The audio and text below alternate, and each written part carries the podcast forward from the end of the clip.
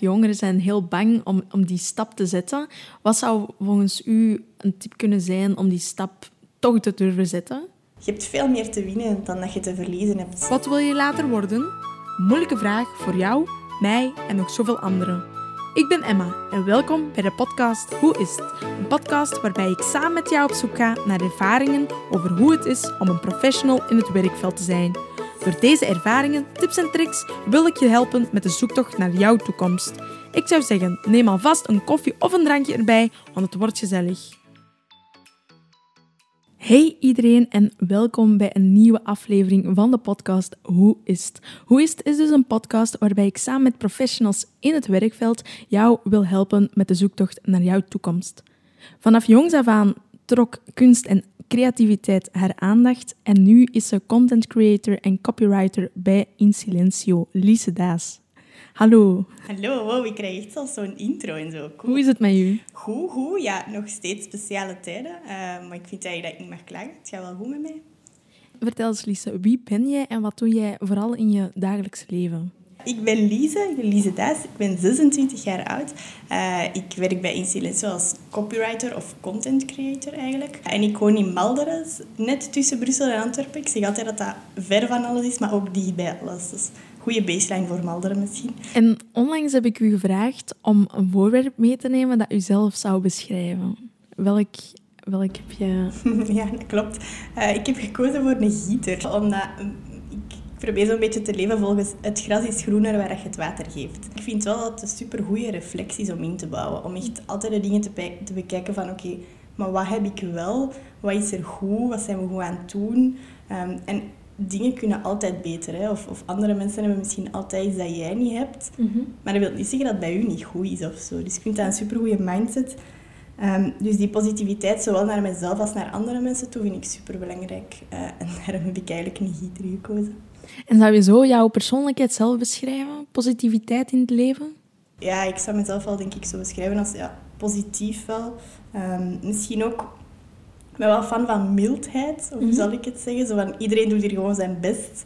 Uh, en dat is oké. Okay. En zo starten vanuit het ding dat iedereen start met goede intenties, vind ik ook superbelangrijk. En doe je dat zowel op de werkvloer als in je privéleven? Ja, dat denk ik wel. Misschien zelfs in mijn job nog harder. Ja, omdat dat ook echt is van, oké, dit is hier onze job. En iedereen start hier vanuit ik wil het goed doen. Uh, en er, kan, er kunnen veel dingen misgaan, maar dat is ook oké. Okay. Uh, en laten we dat gewoon samen proberen op te lossen. Waar haal jij zo wat dagelijks je, je voldoening uit? Eigenlijk zou ik zeggen, zo gesprekken met andere mensen.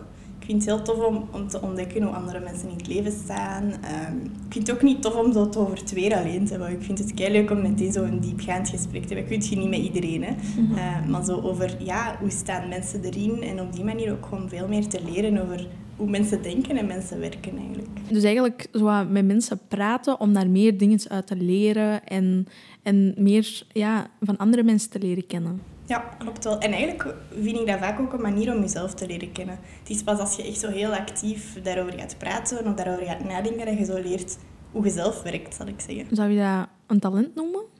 Met mensen kunnen praten? Ik denk dat je dat ook wel kunt leren.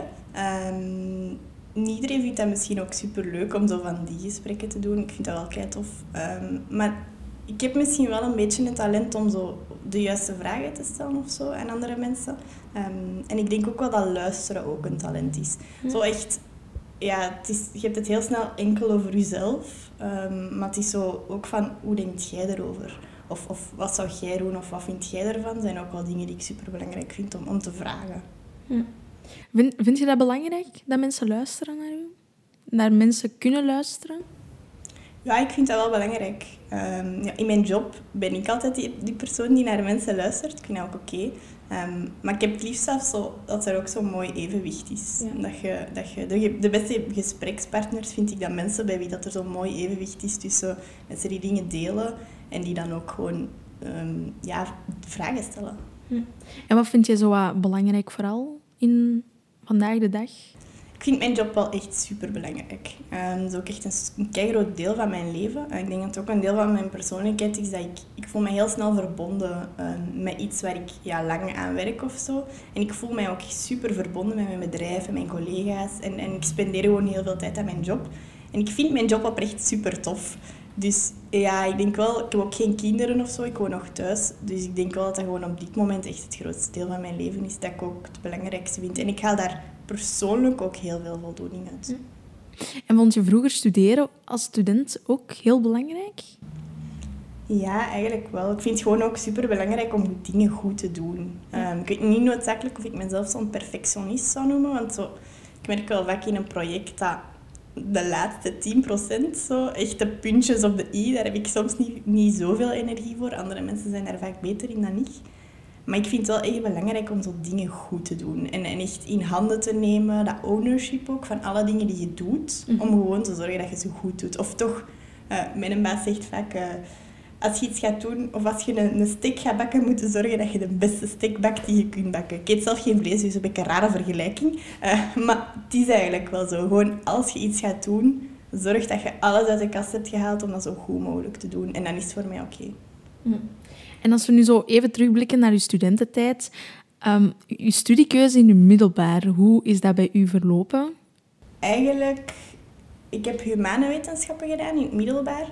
Um, maar er waren superveel vakken. Ik ben zo wat, ofwel supergoed in iets op school, ofwel totaal niet goed op school. Of in het middelbaar toch. Daar was zo geen weg tussen. Dus er waren dingen waar ik echt rot slecht, maar echt rot slecht in was. Hè. Zo wiskunde, uh, fysica, chemie, zo alles wat zo cijfers en ook gewoon abstract is, was ik echt rot slecht in. En dan waren er zo dingen waar ik wel echt goed in was, zo Nederlands, psychologie, Engels, uh, meer die dingen. En ja, op een bepaald moment begonnen die slechte dingen wat te veel door te wegen. Dus in het, uh, van het vierde op het vijfde middelbaar ben ik naar de kunstschool gegaan in Brussel. Um, eigenlijk een super goede keuze. Ik ben daar kei tevreden over dat ik dat ook gedaan heb. Ik denk dat dat ook zo eentje is. Mensen die op school zitten denken heel vaak ook zo van oeh nee, ik moet hier blijven bij al mijn vrienden. Ik moet deze richting blijven doen. Ook ik moet ASO doen, want anders ga ik nergens geraken. Ja, dat is zo eentje die ik wel zou zeggen van dat is echt totaal niet waar. En dat is in het begin wel even moeilijk. Mhm. En, en ja, mijn ouders stonden daar ook wel achter, dus dat is gelukkig wel. Dat is niet voor iedereen zo natuurlijk. Um, maar voor mij heeft dat heel goed gedaan, omdat ik, ja, dat was echt een omgeving waarin ik mezelf kon zijn, één. Twee, ik kon echt die dingen maken. Ik had wel die aanleg voor, ik ben film en fotografie gaan doen, dus ik had daar ook wel die aanleg voor. Ik heb dat talent ook kunnen ontwikkelen daar. En ja, ik had daar ook echt leerkrachten die plots, bijvoorbeeld in wiskunde of in zoiets als natuurwetenschappen, die mij zo wel begrepen van oké, okay, ze heeft het moeilijk, maar ze wil wel haar best doen. Mm. En die daardoor ook die dingen wat minder abstract aan mij uitlegden, waardoor ik daar plots wel net iets beter in was. Dus um, ja, ik, dat is altijd wel een supergoeie beslissing geweest voor mij. Als je de twee studierichtingen zou vergelijken, welke verschillen zou je vooral... Allee, welke verschillen zijn er tussen deze twee richtingen volgens jou? Superveel, denk ik. Um, nochtans, eigenlijk die KSO-richting staat redelijk gelijk met de ASO-richting. Eigenlijk heb je evenveel uren aan, aan theoretische vakken, maar hadden wij net iets meer uren les. Waardoor dat je die, die dingen zoals audiovisueel, zo die film- en fotografie dingen, dat je die er wel nog meer kon bijnemen. Um, maar eigenlijk gewoon alles in de manier van lesgeven was totaal anders. Ik kwam ook van een redelijk strenge katholieke school, een super grote school ook. En dan plots ging ik naar zo, zo KSO in Brussel. Uh, ook een heel nieuwe stad. Ik kom ook uit een klein dorp, dus dat was allemaal nieuw voor mij. Um, maar puur op, op vlak van, van studierichting, gewoon de manier waarop ze lesgeven. We spraken mensen daar ook aan met hun voornaam. Wat dat de, wat dat de kloof tussen een leerkracht en een leerling ook veel kleiner maakt. Uh, en ik weet niet of dat voor iedereen zo is dat dat beter werkt, maar voor mij werkte dat wel beter. Was dat voor u dan meer iets van ik voel mij hier meer op mijn gemak of ik voel mij hier beter? Ja, dat denk ik wel. Um, er is zo meer plaats voor nuance. Of hoe, hoe, zou ik het zeggen? Er is zo meer plaats om een soort van mens te zijn. Uh, ik wil niet zeggen dat ik op die vorige school een nummertje was of zo. Maar daar ben je wel zo meer een mens. En zo het, het milde waar ik het hier net over had, zit daar ook in. Ik was wel supergoed in een paar dingen, maar dan elke keer krijg je zo te horen... Ja, dat wiskunde, ja, dat is toch echt een probleem. En ik wist dat. Maar ik, heb, ik had niet de tools om daar ook echt iets aan te doen. Um, en zo op dat vlak gewoon wat mild zijn van oké, okay, je kunt dit misschien niet, maar dit en dit wel. En dat is ook oké okay om er te geraken in het leven. Hè. Je moet geen zotte wiskundeknobbel zijn om het te maken in het leven. Mm -hmm. uh, en dat is oké, okay. dat vind ik wel belangrijk eigenlijk. Zo, ja, zien, zorgen dat mensen wel hun talenten zien en minder focussen op dat er allemaal slecht gaat. Ja, vroeger heb je ook heel veel meegedaan aan wedstrijden, aan kunstwedstrijden, zoals bijvoorbeeld de kunstbende. Was dat zo al een teken waarvan je dacht van ik ga later in de creatieve sector belanden? Ik heb eigenlijk super laat maar ontdekt dat ik echt in de creatieve sector wou belanden. Um, en ik heb vaak ook het gevoel dat ik daar zo wel wat per ongeluk ben ingerold of zo. Ik heb best wel familieleden die, daar, die zo kunstenaar zijn, maar die staan allemaal redelijk ver van mij af. Ik heb vooral mensen rond mij die heel praktische beroepen doen. Uh, en die ook vaker met hun handen werken. Dus ik had niet noodzakelijk direct dat idee. Of, of ik had ook niet direct het gevoel dat ik dat kon of zo. Um, ik zal het zo zeggen. Um, maar ja, op de kunstschool kom je dan wel zo wat meer in contact met die dingen en zeggen ze ook van oké, doe daar een keer aan mee. Dus ik had mij daar eens voor ingeschreven. Um, en uiteindelijk ben ik daar ook wel nog ver in geraakt en superveel van geleerd. En vooral zo het ding van, je krijgt dan feedback. Ik kreeg dan feedback op een video die ik had gemaakt. Um, en zo ja, is vanuit een ander perspectief zien hoe mensen hun werk zien, is super interessant. Ehm, en dat is niet van een leerkracht is of zo, is super interessant. En je hebt ook zo, na, na je middelbaar, ben je dan eerst kunstwetenschappen gaan studeren en daarna heb je een switch gedaan naar communicatiemanagement. Hoe heb jij dat zelf ervaren? Ik had eigenlijk gekozen voor, voor kunstwetenschappen omdat de meeste mensen uit de kunstschool gingen eigenlijk zoiets doen als fotografie of film. Ehm, maar dat zag ik niet direct zitten. Misschien ook omdat ik nog niet volledig overtuigd was dat ik dat talent ook had. Misschien had dat wel gekund. Hè. Maar ik dacht zoiets van, oké, kunstwetenschappen, dat theoretische, dat interesseerde mij ook super hard. Maar ja, uiteindelijk was dat toch niet 100% de juiste keuze voor mij, denk ik de vakken waren wel super interessant, maar alles was echt theorie. Dus ik kwam dan van die kleine kunstschool met maar een paar mensen ehm, in een klas en echt leerkrachten die je met de voornaam aanspreekt, plots naar uh, ja, UGent. Uh, ik zat op kot. Uh, ik, ik, had echt les in mega grote aula's waar proffen niet eens uw naam nog uw gezicht eigenlijk kennen. Dus ik denk dat dat dat was voor mij al een beetje een te grote stap. Mm. En dan die boeken, zo die, uh, die, die, die examens, zo gewoon één zinnetje, uh, leg het verband uit tussen deze twee dingen en zo drie lege pagina's. Dat was echt van shit, wat doe ik hier? um, dus dan heb ik wel echt, het heeft nog lang geduurd. Hè. Ik, ik, ben ook niet zo iemand die zo snel zegt van, oh, dat ga ik niet meer doen. Terwijl, allez, ik vind dat niet opgeven. Eigenlijk vind ik dat een talent om te zeggen, dit is niet voor mij. Um, ik ga iets anders doen, maar dat is het talent dat ik niet heb, zal ik zeggen. Dus ja, ik ben nog wel redelijk lang daarin blijven hangen, een jaar of twee. Um, en dan heb ik toch gekozen voor iets anders. Wat is volgens u belangrijk bij keuzes maken? Vooral ook dat je ze zelf maakt. Ik zie nog, allez, zelfs in deze tijd, zie ik nog super vaak ouders die zo hun kinderen in een richting proberen te duwen. Maar ik heb dat nog nooit zien werken. Um, dus ik vind het super belangrijk dat je er zelf achter staat. Maar eigenlijk ook dat je voordat je die keuze maakt, dat je eigenlijk jezelf ook kent. Ik vind dat, dat, dat kinderen of jongeren uit het middelbaar zichzelf nog niet goed genoeg kennen of dat we daar niet genoeg aandacht aan besteden. Van wat vind je nu eigenlijk leuk? Wat kun je goed? Waar wilt je in verder gaan? Wat is echt iets voor u? Um, dus ik vind eigenlijk wel belangrijk dat we daar, daar net iets dieper op ingaan. Ik zou nooit zeggen dat je van je hobby je beroep moet maken. Maar ik denk wel dat je kunt gaan kijken naar je hobby's. Van, oké, wat, wat vind ik net leuk aan die dingen doen? En welke dingen kan ik meenemen, eventueel in een job? En hoe zou je jouw eigen studententijd beschrijven? Ja, tof. Ik vond dat echt gewoon leuk. Ook, eigenlijk heb je superveel vrije tijd. Hè. Uh, je mocht ook echt wel doen nog wat dat je wilt. Ja, je moet wel naar de lessen gaan, maar daarbuiten of dat jij nu een opdracht doet, uh, dienendag of dienendag, als je een deadline maar haalt. Dat is oké. En dat is nu wel even anders in een job, want mensen zitten te wachten op, op de dingen die dat je doet. Dus u, allee, of toch in mijn geval, um, uw planning is wel redelijk strak. En, en ja, dat, dat was op school niet, vond ik. Er was nog heel veel vrije tijd ook om, om andere dingen te doen. Welke soort student was je zelf? Ja, ik denk dat ik wel echt een super betrokken student was. Net omdat ik, wat ik hier net ook zei, ik vind het super belangrijk om de dingen die je doet goed te doen. Ehm, dus ook daar was dat wel echt zo. En, en ook mijn leerkrachten. Ik heb wel het gevoel dat ik vind connectie met mensen in het algemeen super belangrijk. En of dat dan nu een leerkracht is of niet, zij kunnen u helpen, jij kunt hen helpen. Dus zo die wisselwerking vind ik heel interessant. Ik denk ook, ja, leerkrachten, ik hoop dat ze het beseffen, maar ik denk zelfs dat ze soms niet beseffen wat voor een invloed dat ze kunnen hebben um, op mensen en hoe ze iemand echt keihard kunnen helpen en, en kunnen doen groeien. Tegenwoordig verwachten ze wel dat je, dat je als student een modeltraject volgt, drie jaar, of als de universiteit uh, vaak vier jaar en dan nog een master erbij. Hoe stond jij daar vroeger tegenover? Ah, dat vind ik zo'n moeilijke. Hè? Ik heb gewoon heel veel tijd gespendeerd, vooral in het middelbaar, in vakken die mij niet interesseerden en waar ik tot op vandaag niet zoveel uithaal. Ik ben wel een grote fan van zo het, ding van beeld doen. Zo het feit dat je, ja, dat je een soort van een geheel van vaardigheden en zelfontwikkeling kunt doen. Maar ik vind dat we te veel tijd spenderen in dingen waar mensen niet noodzakelijk goed in zijn of energie uithalen um, of willen doen. En dat je die tijd veel beter kunt invullen met, met dingen ontdekken die je wel graag doet. Dus zo het hele modeltraject, goh, ik heb ook zeker geen modeltraject gedaan, hè. Uh, maar ik ben wel heel tevreden met mijn traject. En waren er dan zo gedurende het traject dat je hebt afgelegd als student moeilijkheden dat je hebt zelf hebt ondervonden?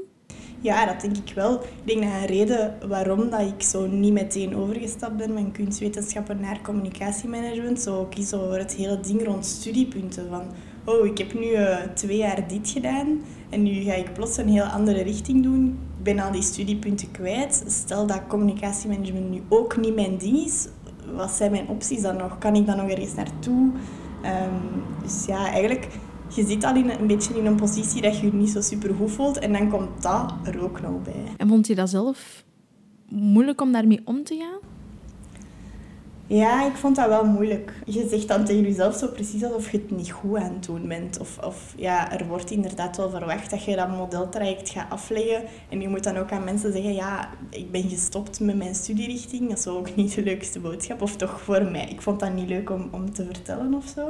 Omdat je zo ja, dat lijkt alsof je faalt, maar eigenlijk is dat totaal niet zo. Hè. Ik vond dat op dat moment ook zo. Als ik daar nu op terugkijk, en ik zet hier net, was dat een van de beste beslissingen die ik kon maken. Maar ja, het is een talent, vind ik echt, om te zien wat heb ik nodig en, en hoe kan ik alle druk die andere mensen mij opleggen um, weglaten om toch de juiste keuze voor mezelf te maken. Als je nu zo terugkijkt op je, op je studententijd, wat is volgens jou eigenlijk een hoogtepunt van, uit je studententijd? Ja, ik denk zo... Voor mij is dat echt die drie jaar communicatiemanagement wel. Daarop volgend ook mijn stage, denk ik. Ik zat in mijn tweede jaar Um, en Geert van den Einde, ik moest zo'n opdracht doen voor hem uh, rond blog schrijven. En hij, ja, ik moest dat met hem gaan bespreken. En hij zei gewoon ook echt van, ja, Lise, je schrijft wel goed. En ik was eigenlijk al super lang bezig geweest met, um, ja, met schrijven. Ik deed dat heel vaak voor mezelf. Ik schreef super graag dingen. Ik schreef graag verhaaltjes over van alles. Of ik vertelde ze. Ik had nog nooit eigenlijk nagedacht over wow, ik kan daar ook echt iets mee gaan doen. Of wow, ik ben daar ook echt goed in. En dat was zo de eerste keer dat iemand mij dat zei. En vandaar ook die opmerking van leerkrachten kunnen zo belangrijk zijn in, in, in een traject van iemand. En elke leerkracht kan dat. Hè.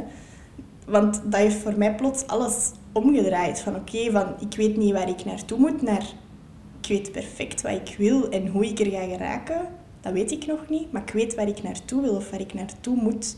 Ehm, en, en ja, daarop volgend die stage, waarin ik plots ook mijn weg er naartoe wel vond, uh, is dat echt een hoogtepunt voor mij. En is dat iets dat je hebt geleerd van jezelf of eerder van anderen? Ik denk dat dat één is dat iets waar je graag mee bezig bent. En doordat je ermee bezig bent, leert je er veel meer over. Of dat je nu al het idee hebt van, dat gaat mijn job worden of niet. Iets waar je graag mee bezig bent, daar word je ook wel goed in. Uh, of omgekeerd, ja, iets waar je goed in wordt, dat vind je niet altijd leuk. Maar omgekeerd wel. Um, en daarnaast ja, leert je veel van andere mensen. Hè. Op mijn stage heb ik zoveel geleerd van mijn stagementor, van mijn collega's, nog elke dag. Hè. Um, dus schrijven is denk ik wel iets waar je zo'n soort van aanleg voor hebt. Maar daar stopt het niet. Allee, het gaat zoveel verder dan dat. En net zoals bijvoorbeeld inclusief communiceren is niet iets wat je noodzakelijk als talent hebt. Hè. Mm dat moet je ook leren. Dus je leert nog zoveel van andere mensen en dat moet ook. Ja, je hebt ook voor een stage moeten gaan zoeken. Allee, je hebt stage eigenlijk gedaan met twee verschillende bedrijven. Um, ja, zijn er bepaalde verschillen die je hebt ondervonden? Ja, kei veel verschillen. Um, ik heb één keer ja, ik heb stage gedaan bij Insilencio, dus het bedrijf waar ik ook nu nog werk. En dan heb ik, dus ik heb echt even een traject. Ik heb uh, communicatiemanagement gedaan en dan was ik nog niet helemaal klaar om te gaan werken. En heb ik nog een jaar grafisch ontwerp gedaan, omdat ik zoiets had van oké, als ik verder wil in copywriting en content creation, is dat een mooie aanvulling. Uh, en voor die studierichting heb ik ook nog uh, een stage gedaan. Maar één, die was al veel korter, waardoor je veel minder die verdieping hebt. Er waren ook veel minder collega's. Um, en eigenlijk, ja, bij Incidentio we zijn daar echt een super hecht team. En wat het ons speciaal maakt in een stage ook, is dat we die mensen zien als een super groot deel van het team. Uh, dus waardoor dat je keihard kunt leren, waardoor dat je echt gewoon behandeld wordt als een medewerker. Uh, en in die andere stage, dat was bij een soort van communicatiebureau, we waren nog maar net opgestart. En, en daar was dat veel minder, waardoor dat ik daar veel minder ook geleerd heb. Uh, je, staat veel, ja, je staat niet zo dicht bij wat al die andere mensen aan het doen zijn. Soms krijg je zoiets een taakje uh, van, oh ja, onze stagiair gaat dat doen. Dus eigenlijk heb ik twee uitersten wel een beetje gezien. Hm. Uh, dus ja, de stage is zo belangrijk. Echt in je traject, dat is zo belangrijk. Hoe verliep de zoektocht naar een stage? Tom de Wachter, die is de CEO van, van mijn bedrijf, van Insilencio, was eigenlijk uh, op Thomas More komen spreken over employer branding in het algemeen. En ik was, wel, ik was wel redelijk verkocht. Ik had wel zoiets van, oké, dat is iets met mensen, maar toch ook creatief. Dus had wel zoiets van, hm, dat is iets voor mij.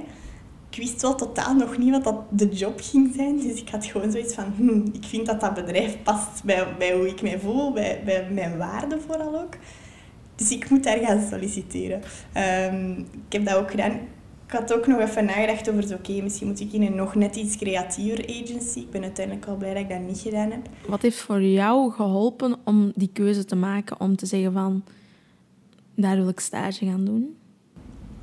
Ja, ik denk vooral al het feit, um, vind ik goed trouwens, dat zo stagebedrijven echt naar scholen komen en om uit te leggen wie dat ze zijn.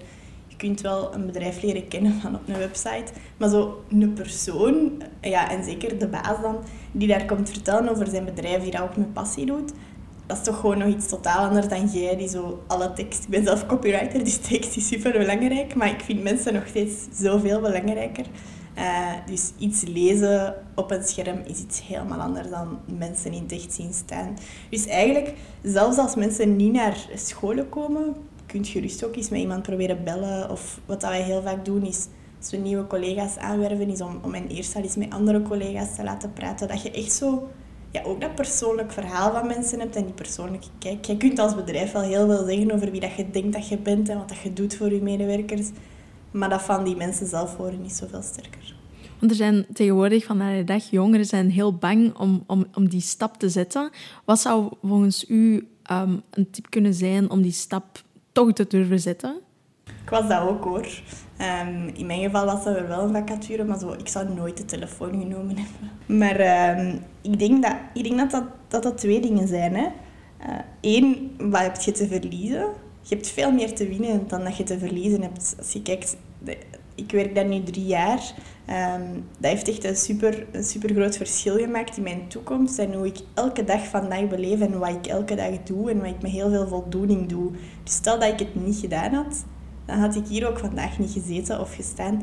Dus ja, wat heb je te verliezen? Je hebt keihard veel te winnen. En twee, ik denk ook, ik heb wel het gevoel dat bedrijven daar ook misschien nog wel ergens een tandje in kunnen bijsteken. Van, van ja, probeer je een beetje open te stellen naar mensen. Um, probeer ook zo wat vrijblijvend te houden. Van ja, je mocht mij altijd bellen voor extra vragen of zo. Ik vind dat zelf ook belangrijk dat we dat doen. Van, wilt je nog meer weten, dan kan het. En wel op deze of deze manier laat mensen ook de keuze van... Bent jij iemand die liever belt? Bent jij iemand die liever mailt? Dat is allemaal oké.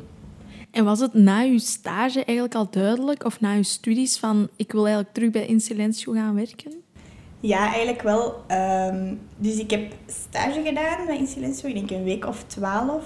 Uh, dan heb ik ook nog vakantiewerk gedaan bij Insilencio. Dan hebben ze gevraagd of ik er wil beginnen werken, maar heb ik eigenlijk gezegd, nee, ik ga nog studeren.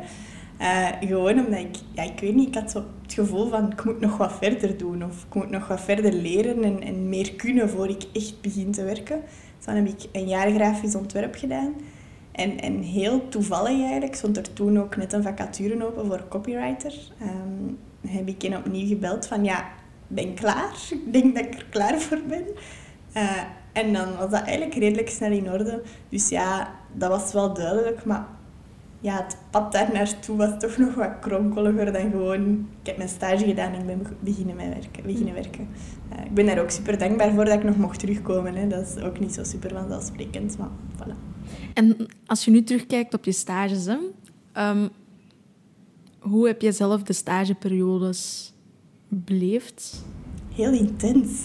Um, ja, ik denk dat of, of hoe dat ik soms ook naar stagiairs kijk die er nu bij ons zijn. In corona is het wel wat moeilijker natuurlijk. Maar zo, ja, van school naar een werkomgeving, ik vond dat toch wel een grote stap. Uh, net omdat wat ik je net zei, van je hebt echt die planning, dat schema, je hebt al die mensen om mee rekening te houden. Je hebt ook echt klanten, je bent wel echt met projecten bezig. Zeker bij zo'n bedrijf als Insurentio als stagiair, dan, dan mag dat ook. Uh, dus ik vond dat heel intens. Je hebt ook nog zoveel te leren. Um, en ja, je hebt ook, je wilt heel die cultuur van dat bedrijf leren kennen, want je bent daar nieuw, is superveel indrukken. Uh, ik was wel altijd kapot met zo'n stagedag. Uh, maar de mensen zijn er gewoon ja, super verwelkomend. Hè? Uh, ik denk dat geen enkele stagiair bij ons kan zeggen ja, dat, dat we ze niet geholpen hebben. dat is echt wel wat, wat, ons DNA is. Zo proberen om het beste uit mensen te halen. en dat helpt gewoon wel om, om, ja, om het beter te doen. En wat vind jij persoonlijk belangrijk aan een stage? Ja, één, dat je echt mocht proberen en dingen doen. Uh, dat je niet enkel zomaar de kutjobjes mocht doen, want dan, bent je gewoon, ja, dan heb je geen goede stage, zal ik zeggen. Um, maar dat je ook gewoon... Weet je, een stage, een stage uh, faciliteren, zal ik zeggen, kost veel tijd aan de mensen die er werken. Dat is iets wat dat mensen in een stage misschien niet altijd beseffen. Maar een goede opvolging kost heel veel tijd. En, en soms gaan, gaat je zo de reflex hebben van oeh, als ik het zelf doe, gaat het sneller gaan dan als ik het aan onze stagiair geef. Maar dat is net het ding waar je dan als, als medewerker het onderscheid in moet kunnen maken. Nee, want je doet dat om mensen te doen groeien. En dat is eigenlijk wat dat je moet hebben. Mensen met die mindset van ik wil je helpen groeien. Uh, maar daar steekt je tijd in. En, en dat is echt, zoals ik zeg, een mindset van, van ik wil je daarmee helpen. En ik wil daar mijn tijd in steken. En zo'n mensen heb je nodig in een stage. Dat maakt het verschil. En wat heb jij zo het meest geleerd uit je stages? Vragen stellen. Uh, soms had ik super lang zo, zo aan, aan, iets zelf te werken en ik vond het niet. En ik zocht op internet hoe dat moest en ik vond het nog steeds niet. Soms kun je zo met één vraagje plots twee uur verder zijn. Uh, dus als je gewoon een vraag stelt aan iemand, ja, die gaat ook altijd willen helpen bij ons. Uh, dus ja, het is vooral durf het ook vragen en blijf niet te, niet te lang op jezelf prutsen. Welke tips zou je eigenlijk nog aan anderen willen geven die, die op zoek zijn naar een stage of die een stage willen doen? Vooral focus misschien niet te hard op zo, wat is de functie. Ook belangrijk, hè, van wat gaat je doen. Maar zoek vooral ook een bedrijf waar dat je je goed bij voelt. Um, een bedrijf dat echt zo in lijn ligt met je waarden, waar jij je ook goed kunt voelen. Je gaat, daar, je gaat daar heel lang zitten ook, normaal in een stage. Dus dan kun je er je maar beter goed voelen. Um, en hetzelfde in een job. Hè. Als je op zoek gaat naar een job, zorg echt dat je gewoon die affiniteit hebt met dat bedrijf. Um, en zorg dat je daar ook zoveel mogelijk over weet. Bijvoorbeeld tijdens een sollicitatiegesprek of zo, een stagegesprek, stel vragen. Ik weet dat dat, voor mij was dat ook. Heb je nog vragen? Nee, ik denk dat ik alles weet. Maar dat is niet zo, je weet niks. Uh, dus zo dingen zoals, ja, op welke manier werken jullie hier samen? Wat zijn de uren? Um, hoe plannen jullie dingen? Dus, allee, dat is super belangrijk eigenlijk om allemaal te weten. En, en ik vind het ook goed als je dat durft vragen, want op die manier krijg je er een een veel beter totaalbeeld van. De zoektocht naar een job is voor vele net afgestudeerde studenten best wel moeilijk. Na je studie communicatiemanagement ben je zelf nog een jaar avondschool gaan doen en daarna pas gaan werken. Is dat heeft dat een bepaalde reden waarom? Ja, dus eigenlijk, ik had dan mijn stage gedaan In Silencio. Ehm, maar ik had zo wel het gevoel van, oké, ik kan nu wel wat schrijven, maar ik wil gewoon heel veel dingen nog wel leren. Dus eigenlijk ben ik zelfs nog dagschool een jaar gaan bijdoen, grafisch ontwerp. En heb ik terwijl ook in avondschool nog copywriting gedaan. Dus die eigenlijk twee mhm. studierichtingen nog bij, maar op dezelfde school, wat dat wel makkelijker maakte. Dat ik zo het gevoel had van, oké, ik heb hier nog één jaar waarin ik van mezelf kan of mag studeren. En ik wil daar alles uithalen, dus dat heb ik nog gedaan. Ik ben er ook super tevreden over dat ik het gedaan heb, want zelfs al ben ik nu geen topsdesigner geworden daardoor, door dat jaar. Dat kan ook niet op een jaar, dat is, dat is een utopie. Ehm, maar daardoor heb ik wel veel meer inzicht gekregen. En ik werk ook wel in die sector en ik werk ook... Mijn kopie of mijn tekst gaat rechtstreeks in een design dat onze designers maken. En het feit dat je, dat, dat je daar iets van weet, is super handig. Dus ik ben eigenlijk nog even verder gaan studeren, omdat ik zoiets had van... Er zijn nog veel dingen die ik wil weten, die ik wil leren. En ja... En daarna ben ik dus toch bij Incidentio begonnen. In, in mijn geval was dat wel anders natuurlijk, omdat ik eigenlijk meteen een job had ook bij het stagebedrijf waar ik gewerkt had, wat wel veel makkelijker maakte. En zo dat extra jaar gaan werken, wat was dat voor u per se nodig? Allee, heel veel studenten, heel veel jongeren vinden dat moeilijk om direct na hun studies te zeggen van ik ga werken. Ja, ik had dat eigenlijk ook. Ik kan daar niet zo goed de vinger op leggen waarom dat, dat zo was. Maar misschien komt dat ook zo een beetje vanuit een onzekerheid. Van, ik ben nog niet goed genoeg of ik moet nog meer kunnen. Eh, of ik denk in ieder geval dat het bij mij een beetje van daaruit kwam. Ehm, dus ja, maar misschien ook wel... Ik vond het ook leuk om te doen. Hè. Het, was, het was zeker geen verplichting. Ik heb mij ook zeker geamuseerd dat jaar. Ik heb nog veel nieuwe, toffe mensen leren kennen. Ehm, dus ja, dat was zeker tof ik denk niet dat dat moet. Als je zoiets hebt van ik voel mij hier wel comfortabel bij, dan moet dat zeker niet. En als je de middelen hebt, wat dat ook niet voor iedereen zo is natuurlijk. En was, dat, was het dan bewust dat je zoiets... Allez, dat je had gekozen van ik ga hier echt een extra jaar bij studeren, want ik, ja, ik wil nog veel leren? Ja, maar wat ik wel dus niet meer wil doen, was zo echt nog aan een studierichting van drie jaar beginnen. Dus ik ben dat ook op Sintra gaan doen. Dat dat niet zo'n vanzelfsprekende keuze was of zo. Ik weet dat daar ook wel veel vooroordelen over zijn. Mhm. Ehm, maar dat was eigenlijk de enige plek, jammer genoeg, de enige plek waar ik in een jaar um, redelijk veel over grafisch ontwerp kon bijleren. Dus heb ik dat gaan doen en dan terwijl in avondschool die copywriting. Um, maar ik zou het eigenlijk wel tof vinden als gewoon andere scholen dat ook zouden doen. Als je zo nog wat extra trajecten of de skills die je al hebt nog wat kunt, nog kunt bijschaven of, of verrijken. Hm. En hoe zou je jouw zoektocht naar, naar de functie die jij nu hebt eigenlijk beschrijven? Ja, ik zou zeggen zo een beetje vanzelfsprekend of zo, alsof het zo zo moest zijn. Soms kan alles zo helemaal mooi in elkaar klikken. Ehm, en dat was het voor mij ook echt. Van, van ja, ik heb daar stage gedaan. Ik voelde mij daar heel comfortabel. Ik voelde mij heel verbonden met alle mensen, met de job ook. Naar, ik ga nog een jaartje studeren en dan is er net die vacature vrij. Uh, en ik contacteer hen terug en het is in orde. Was voor mij zo heel... Ja, natuurlijk. Um, want ik had toch ook nog eens even gekeken naar andere jobs. Dat ik ook zoiets had van, ja moet ik nu wel meteen daar gaan werken waar ik stage gedaan heb? Moet ik niet... Dat was ook een reden waarom ik nog gaan bijstuderen ben. Want ik heb nu één stage gedaan, één bedrijf. Uh, maar misschien wil ik nog wel wat meer zien van de wereld, van het werkveld. Dat vond ik wel een belangrijke. Mm, dus ja, ik had toch ook bij die zoektocht zoiets van... Ja, moet ik daar nu wel beginnen werken? Terwijl, dat is raar, hè, want ik voelde mij er goed, dus why not? Maar toch heb je zo'n ding van, ik moet nog wat meer doen. Ehm, maar ja, ik ben nu kei tevreden dat ik dat wel gedaan heb. Ook al kan ik nu... Het is nog steeds mijn eerste job, hè. Uh, ook al doe ik dat nu wel al drie jaar, ik kan nog steeds niet vergelijken bij andere bedrijven. Uh, maar dat moet niet. Dat is oké. En wat vind je dan vooral zeer belangrijk wanneer dat je werk zou zoeken? Ja, wat ik echt belangrijk vond, was van past dat bedrijf wel bij mij? Um, want wat ik er ga doen is ook belangrijk, maar past dat bedrijf bij, bij wie ik ben? Um, bij Insilencio, ja, dat is echt een, zo'n soort van mensen-mensen bedrijf.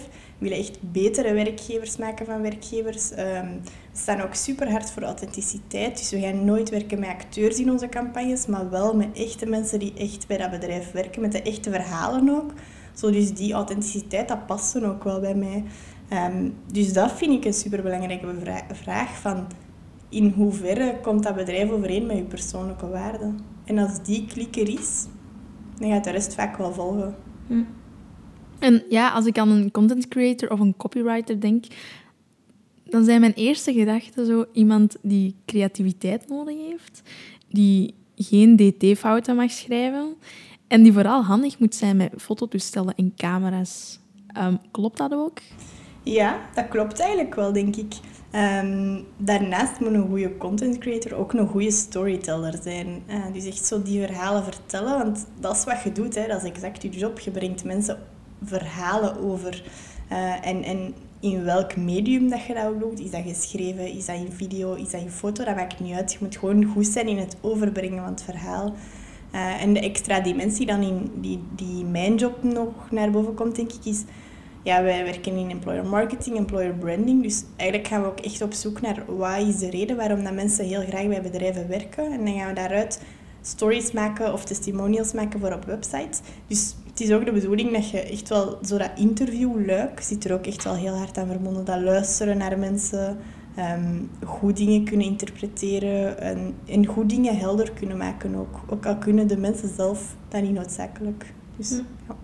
Als je nu zo kijkt naar je functie content creator en copywriter, hoe zou jij dat zelf beschrijven? Ja, als ik zo mijn job moet uitleggen aan mensen, is dat altijd wel super moeilijk. Want één, ja, copywriting of content creation, ja, bij jongere mensen gaat dat wel goed komen, maar zo, ja, eens dat mensen net iets ouder zijn, is dat heel moeilijk om uit te leggen. Vaak kom ik ook niet verder dan, ja, ik schrijf dingen. En dan zelfs het hele ding van employer marketing, het feit dat we echt proberen om, om van werkgevers nog betere werkgevers te maken. Dat we proberen om dingen intern te gaan veranderen, maar dat we ook campagnes maken uh, om aan de buitenwereld te tonen dat ze goede werkgevers zijn en wat ze doen voor hun medewerkers. En dat maakt het allemaal nog wel wat ingewikkelder. Hè? Ehm, maar dat is gewoon hoe ik het eigenlijk nu verteld heb, is, is vaak hoe ik het ook vertel. Zo die twee delen even belichten van oké, of heel vaak proberen om zo een heel concrete situatie aan te halen. Stel, jij werkt bij de lijzen uh, en stel, jij bent daar tevreden, dan kom ik naar u om, om u te komen interviewen over waarom jij je job leuk vindt. Wat ik daar daarna mee doe, is uit heel dat interview, dat een uur kan duren bijvoorbeeld, ga ik dan een soort van ja, ga ik misschien vier of vijf zinnen halen. Die komen op de website terecht of op social media terecht. Uh, ik heb dan ook een foto van u gemaakt waar ik uw naam bij zet. Een soort van tekeningetje bij maak of zo. Dus zo heel concrete situaties die ik dan schets, dan snappen mensen dat meestal wel. En hoe ervaar jij zelf deze functies? Ja, ik vind dat echt wel... Allee, dat is iets dat echt voor mij gemaakt is. Of ik ben daarvoor gemaakt. Um, gewoon zo die veelheid, die creativiteit die je daar kunt insteken. Dat het feit dat je je krijgt heel veel tijd alleen om, om zo de verwerking te doen, om na te denken in je hoofd, om, om te schrijven. Um, maar daarnaast is er ook een heel groot luik van creativiteit. Dat je samen met mensen mocht sparren, dat je in meetings zit, dat je samen kunt brainstormen. Dat is kei tof. Uh, en ook daarnaast is er echt nog zo'n people-luik. Je bent echt bezig met mensen. Um, en, en je bent bezig met collega's om dingen te, te bedenken, te verzinnen. Je krijgt mensen hun verhaal, wat super waardevol en heel leuk is. Hoe kan jij jouw normale werkdag beschrijven? Waarschijnlijk zijn er echt duizend mensen die zeggen elke dag is anders, maar elke dag is ook zo anders. Um, elke dag zijn er wel veel deadlines. Dat is het ding als je in een agency werkt en voor klanten werkt. Elke dag moet ik wel twee of drie dingen opleveren. Dus dat houdt de druk er zeker ook wel op. Het is, het is geen job waar je zo met je vingers kunt zitten draaien of waar je zo zegt van ah, ik zal mijn laptop een keer open doen. Dat is het niet. De workload is best wel hoog, maar ik vind dat oké. Ik vind dat ook leuk. Dat geeft mij voldoening. Ja, ik start denk ik elke ochtend wel gewoon met mijn mails te checken van oké, wat is er nieuw binnengekomen. Maar ik weet ook wel perfect wat dat er die dag moet gebeuren. Of ik vraag het aan mijn PM om even te kijken wat dat de prioriteiten zijn. En gezien dat ik dat zelf niet zo goed kan, maar uh, het kan zijn, de ene dag moet ik iets schrijven voor een website. Andere dag zit ik bijvoorbeeld de hele dag in meeting en brainstorms. Dat kan ook gebeuren, dat ik zo gewoon geen moment heb om te schrijven. Uh, de andere dag doe ik een interview met iemand. Uh, schrijf ik pagina's voor een website. Echt, elke dag ziet er helemaal anders uit. En ja, heel veel content creators en copywriters die kiezen of kiezen niet om een 9-to-5 functie te hebben. Heb je zelf daar bewust mee omgegaan van uh, ik wil geen of ik wil wel een 9-to-5 job? Oh, daar is veel voor te zeggen. Ik heb zeker geen 9-to-5 job. Ik zal het zo zeggen. Als in, en zeker ook in content. Als je echt puur in content creation werkt, gaat je nooit een 9-to-5 job hebben. Um, er verandert ook zo snel zoveel dat dat eigenlijk bijna niet kan. Um, maar ik vind wel dat je dat moet proberen om dat een beetje binnen te perken te houden. Ik ben daar zelf super slecht in. En, en sommige bedrijven zeggen ook 9-to-5 job, dat hebben we niet. Gewoon omdat, allez, omdat de spui gaat en uitloopt, dat dat een workload is. Maar een, geen 9-to-5 job mag geen excuus zijn voor je moet hier gewoon dubbel zo hard werken.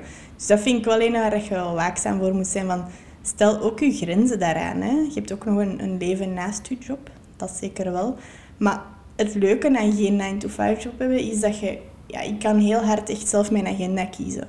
Ik weet wel welke deadlines er zijn en soms moet ik iets voor iets anders doen, maar niemand zegt mij, dit moet jij vandaag doen. Um, dus dat kies ik allemaal zelf. En heb ik een meeting, dan heb ik zeker een meeting. En kan ik niet zeggen, dat ga ik straks doen, want er zijn andere mensen bij betrokken.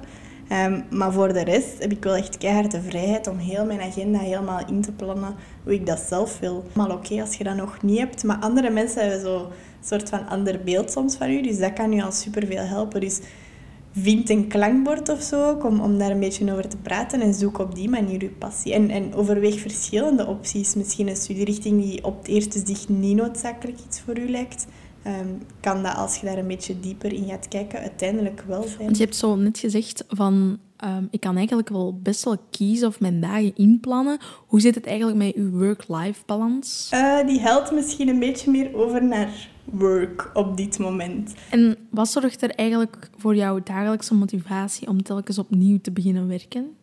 Ja, keihard mijn collega's. Ik vind mijn collega's echt fantastisch. Dus ja, eigenlijk echt zo voor mijn collega's. Ik vind het gewoon kei tof om in meetings te zitten met mijn collega's.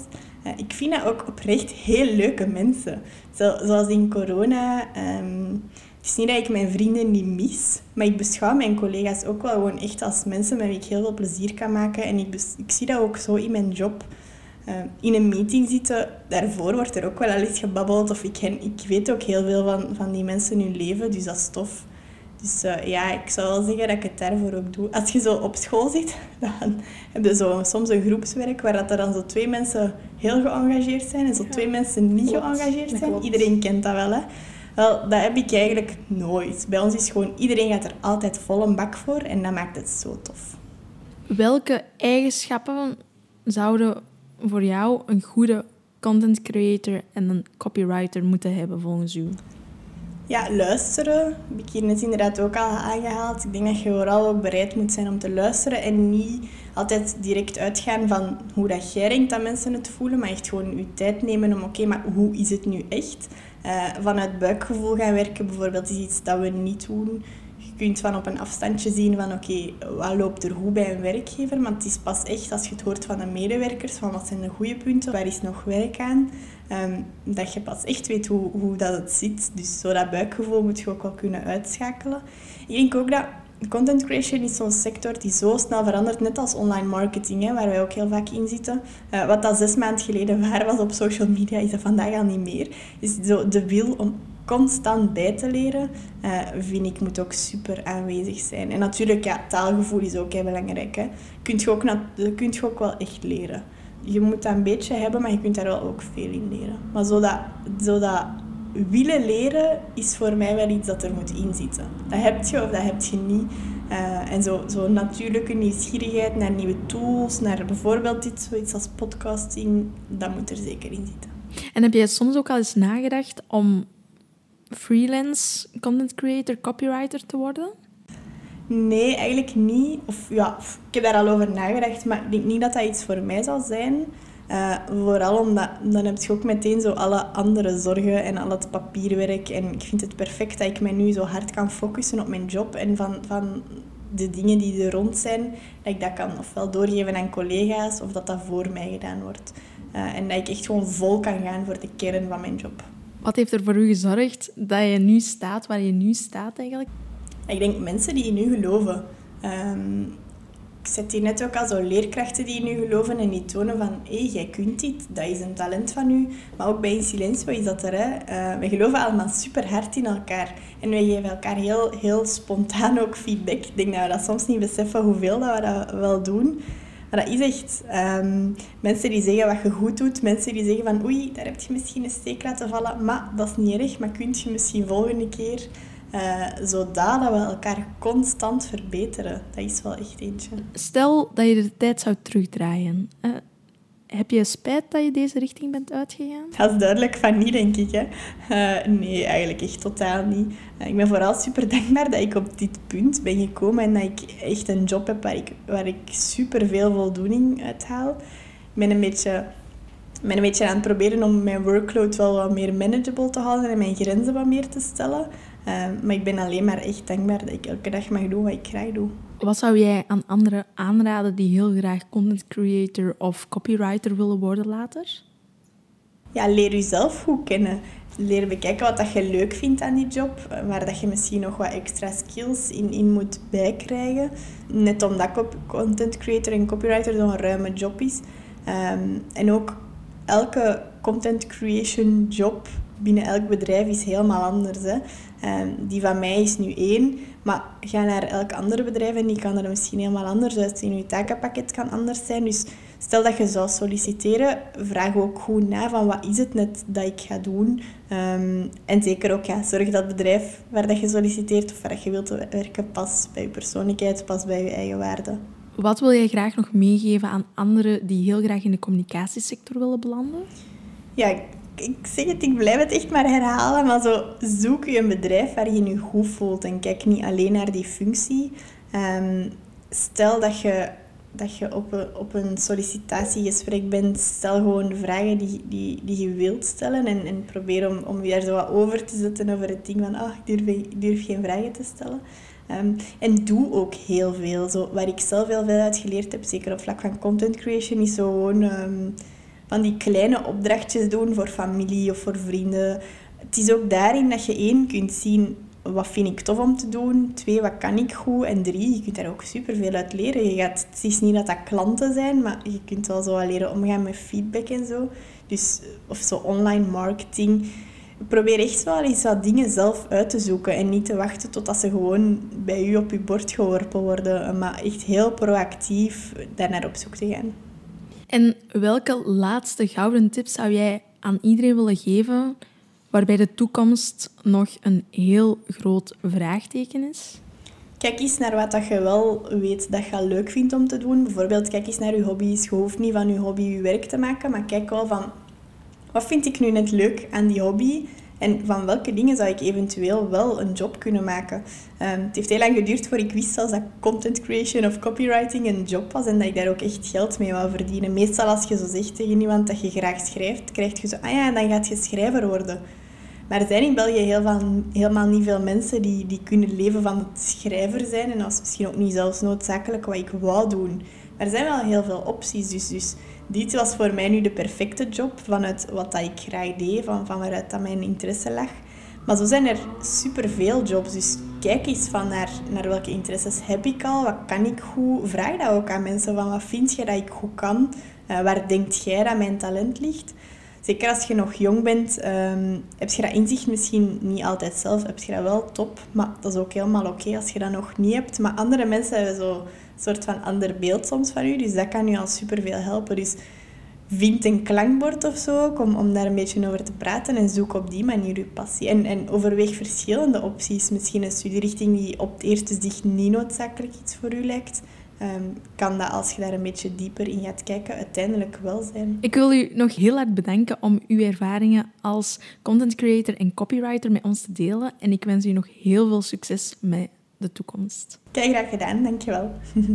Wil jij heel graag nog meer ervaringen beluisteren? Volg ons alvast op Instagram en Facebook. En tot de volgende. Salut!